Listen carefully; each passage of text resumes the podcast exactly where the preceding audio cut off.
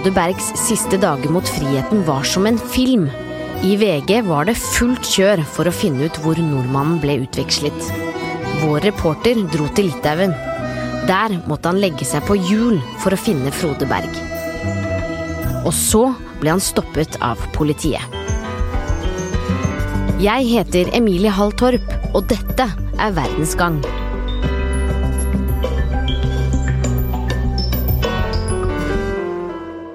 Jeg tenkte jeg skulle fortelle dere litt hvordan det var å oppleve innspurten av Frode Bergs frigjøring i Litauen. Dette her er Stig Øystein Schmidt. Han er reporter for VGTV. I all hast rykket han til Litauen med ett oppdrag å finne Frode Berg. Dette er historien om hvordan det gikk. Lørdag kveld så kom jo endelig den spiondømte nordmannen Frode Berg hjem igjen til Norge. Og da takket være god hjelp fra våre Nato-allierte venner Litauen. Og selv om historien til Frode Berg er godt kjent, så skal jeg bare kjapt oppsummere hva som har skjedd.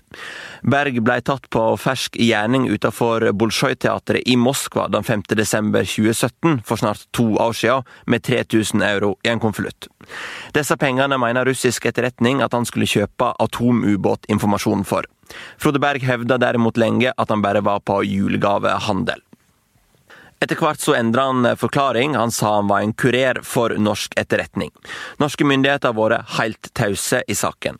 Og den 16. april så ble Frode Berg dømt til 14 år i fengsel for spionasje og overlevering av 15 000 euro.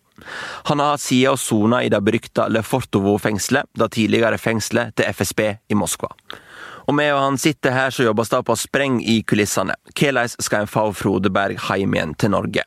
Og som lyn ifra klar himmel midt i oktober, så melder da litauiske avisa Baltic News Service at en spiondømt nordmann kan være med på en utlevering mellom to russiske og to litauiske fanger. Men før da så må en del ting på plass. Blant annet så må utleveringslova i landet mjukast opp. Så stemmer parlamentet i Litauen denne loven gjennom den 7. november. Og 11. november blir han signert og dermed gjeldende. Det begynner å dra seg til her, og det er nå jeg vil ta dere med til Litauen. Dagen etter lova blir effektuert, så reiser jeg til Vilnius, hovedstaden i Litauen. Vi tenker at dette er et godt utgangspunkt for å være klar hvis noe skulle skje. Kollega Alf Bjarne Johnsen og fotograf Helge Michaelsen kommer ned seinere på kvelden. Begge med over 35 års fartstid i VG, mer enn ti år lenger enn jeg har levd. Morgenen etterpå, altså forrige onsdag, så reiser vi til presidentpalasset i Vilnius, der vi har funnet ut at det er møte i den litauiske benådningskommisjonen. Altså de som skal benåde to russere som sitter i fengsel i Litauen.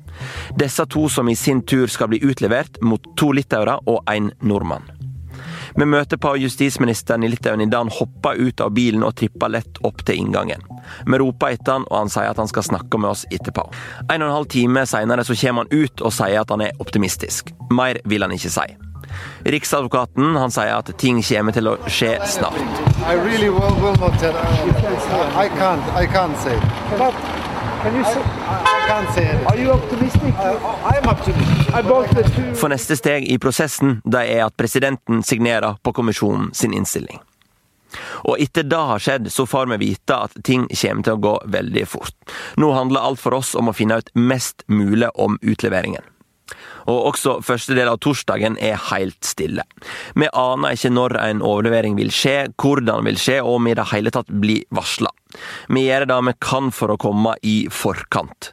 Gjennom hele dagen følger vi annet med på flytrafikken i Europa. Alle fly som har noe å gjøre med Russland, Litauen og Norge. Og i dag vi er i ferd med å reise til middag, oppdager kollega Helge noe. Et privatfly fra Helsinki er på vei til Vilnius. Vi avlyser middagen og følger flyet minutt for minutt på kartet. Flyet da lander i Vilnius og tar av igjen med nesten én gang. Retning nordvest. Mot Oslo.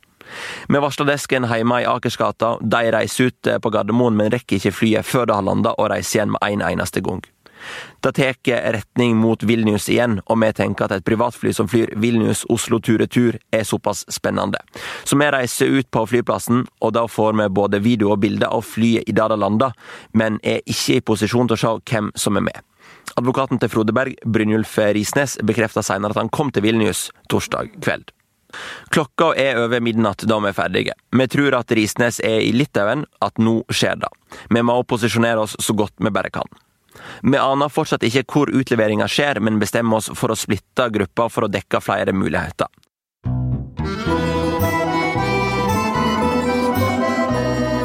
Jeg bestiller en leiebil, og klokka to på natta kjører jeg mot Kaliningrad. En russisk eksklave ut mot Østersjøen som er omringa av Polen og Litauen. På en av grenseovergangene der kan Frode Berg komme over. Jeg reiser til grenseovergangen mellom Sovjets og Pannemune. Her er det ei bru over elva som deler Kaliningrad og Litauen. På litauisk side ligger grensestasjonen. Jeg ser for meg en kald krig-overlevering der spionene blir utlevert på hver sin side og går over brua. Jeg er framme klokka halv seks på morgenen fredag og legger meg til å sove litt i bilen. Men to timer seinere, ti over halv åtte, så ringer Alf Bjarne meg. Han har fått ut nyheten. Presidenten i Litauen har benåda to russere. Nå mangler bare det samme fra russisk side, og vi er usikre på om vi i tatt får beskjed om det før utleveringen har skjedd. Nå gjelder det å være på vakt. Jeg setter meg slik at jeg kan følge med på all trafikk inn og ut av Kaliningrad. Grensa ligger ganske øde, husa på litauisk side er enkle, gammeldagse, og de fleste er ganske falleferdige. Lufta er rå, og det er bikkjekaldt. Timene går, og nyheten kommer om at Russland også har benåda to litauere. Klokka halv tolv litauisk tid så slipper ikke flere biler over grensa. Bommene går ned og lysa blir røde. En time seinere åpner plutselig en av bommene seg, og fra Kaliningrad så kommer det to varebiler i høy fart. Og i den bakerste bilen så er jeg sikker på at jeg ser en passasjer med tildekt ansikt. Jeg tenker at dette må være noe. Jeg føler meg nærmest i en dårlig spion-actionfilm da jeg legger meg på hjul. De to bilene forsvinner inn til en grensestasjon et lite stykke unna, før de tar retning mot Vilnius. Og mens jeg ligger på hjul, så live-rapporterer jeg fra bilen til TV-sendingen vår. Men ei stund før vi er framme, så blir jeg stoppa av politiet.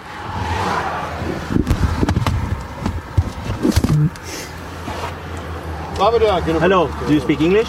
Uh, no. Please give your drive license and Yes. documents. Sorry, two seconds, need to find my license. It's a rental car. What? Rental car. Ah, Enterprise.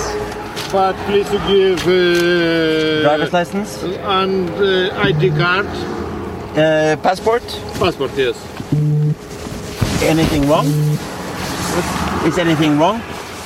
De vil bare se pass og førerkort før jeg slipper meg videre, men da har jeg mista de jeg fulgte etter. Seinere får vi vite at overleveringen av Frode Berg ikke skjedde der jeg sto. Om det var en dekkoperasjon eller noe helt annet jeg var vitne til, er vanskelig å si.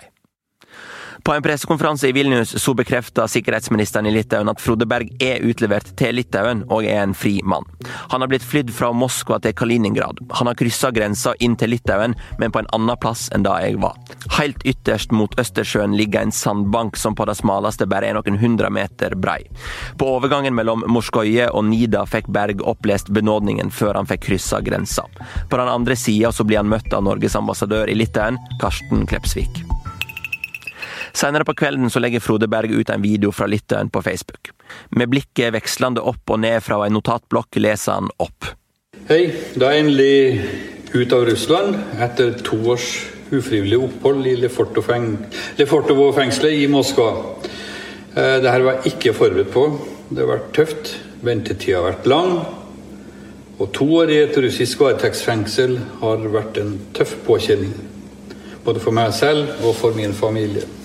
I Norge så holder statsminister Erna Solberg og utenriksminister Ine Marie Eriksen Søreide en pressekonferanse. Jeg er jo glad for å kunne fortelle at eh, Frode Berg er nå en fri mann. Og jeg vil gjerne få lov å takke litauiske myndigheter for den store innsatsen og de vanskelige politiske avveiningene de har måttet gjøre for å få Frode Berg fri. Etter å ha vært vaken i litt for mange timer, så legger jeg meg rundt midnatt fredag.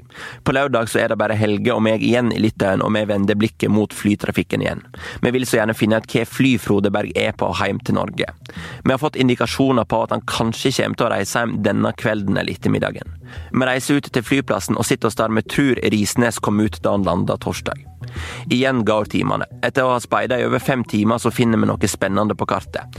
Et fly av samme typen som vi tror frakta Risnes torsdag, har tatt fra Helsinki til Vilnius. Bombardier Challenger C604. Plass til 16 personer. Da landa jeg i Vilnius, og Helge og jeg splitta oss igjen. Han stiller seg slik at han ser flyet som står på bakken. Jeg står ved cargo-innkjøringa, der vi tror de kan komme inn med bil. Og litt over klokka sju lokal tid så hører jeg sirener. Og i gata nedom meg så kjører det en politikortesje med fullt blålys med en varebil mellom seg, i retning flyet.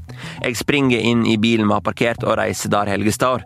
Han har knekt eh, stativet på telelinsa og står eh, og balanserer den oppå skuldra til en litauisk drosjesjåfør. Jeg rigger meg til med videokamera med telelinsa for å filme i det noen går om bord. Og kort tid etterpå så kommer en bil ut på rullebanen. Ut av den går fire personer inn i flyet. Så kommer en bil til, og seks nye går inn i flyet. Men det er for mørkt til å se hvem de er. Klokka 19.47 lokal tid tar det av. Retning Oslo. I Oslo får vi òg filma landingen, men personene som går ut av flyet er skjult. Kort tid etterpå kan VG komme med nyheten. Frode Berg er i Norge. Vi får et intervju med advokat Brynljulf Risnes.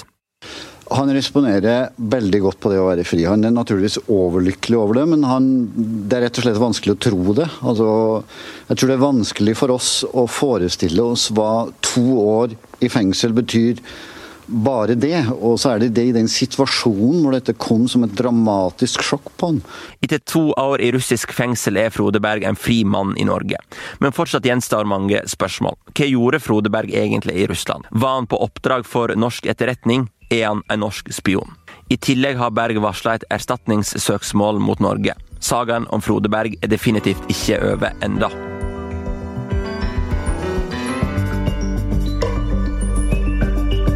Verdens Gang er laget av VGs reporter som dro til Litauen, Stig Øystein Schmidt. I Norge har Tor Erling Tømt Ruud, Kristine Hellesland og jeg, Emilie Hall Torp, hjulpet til. Magne Antonsen er teknisk produsent.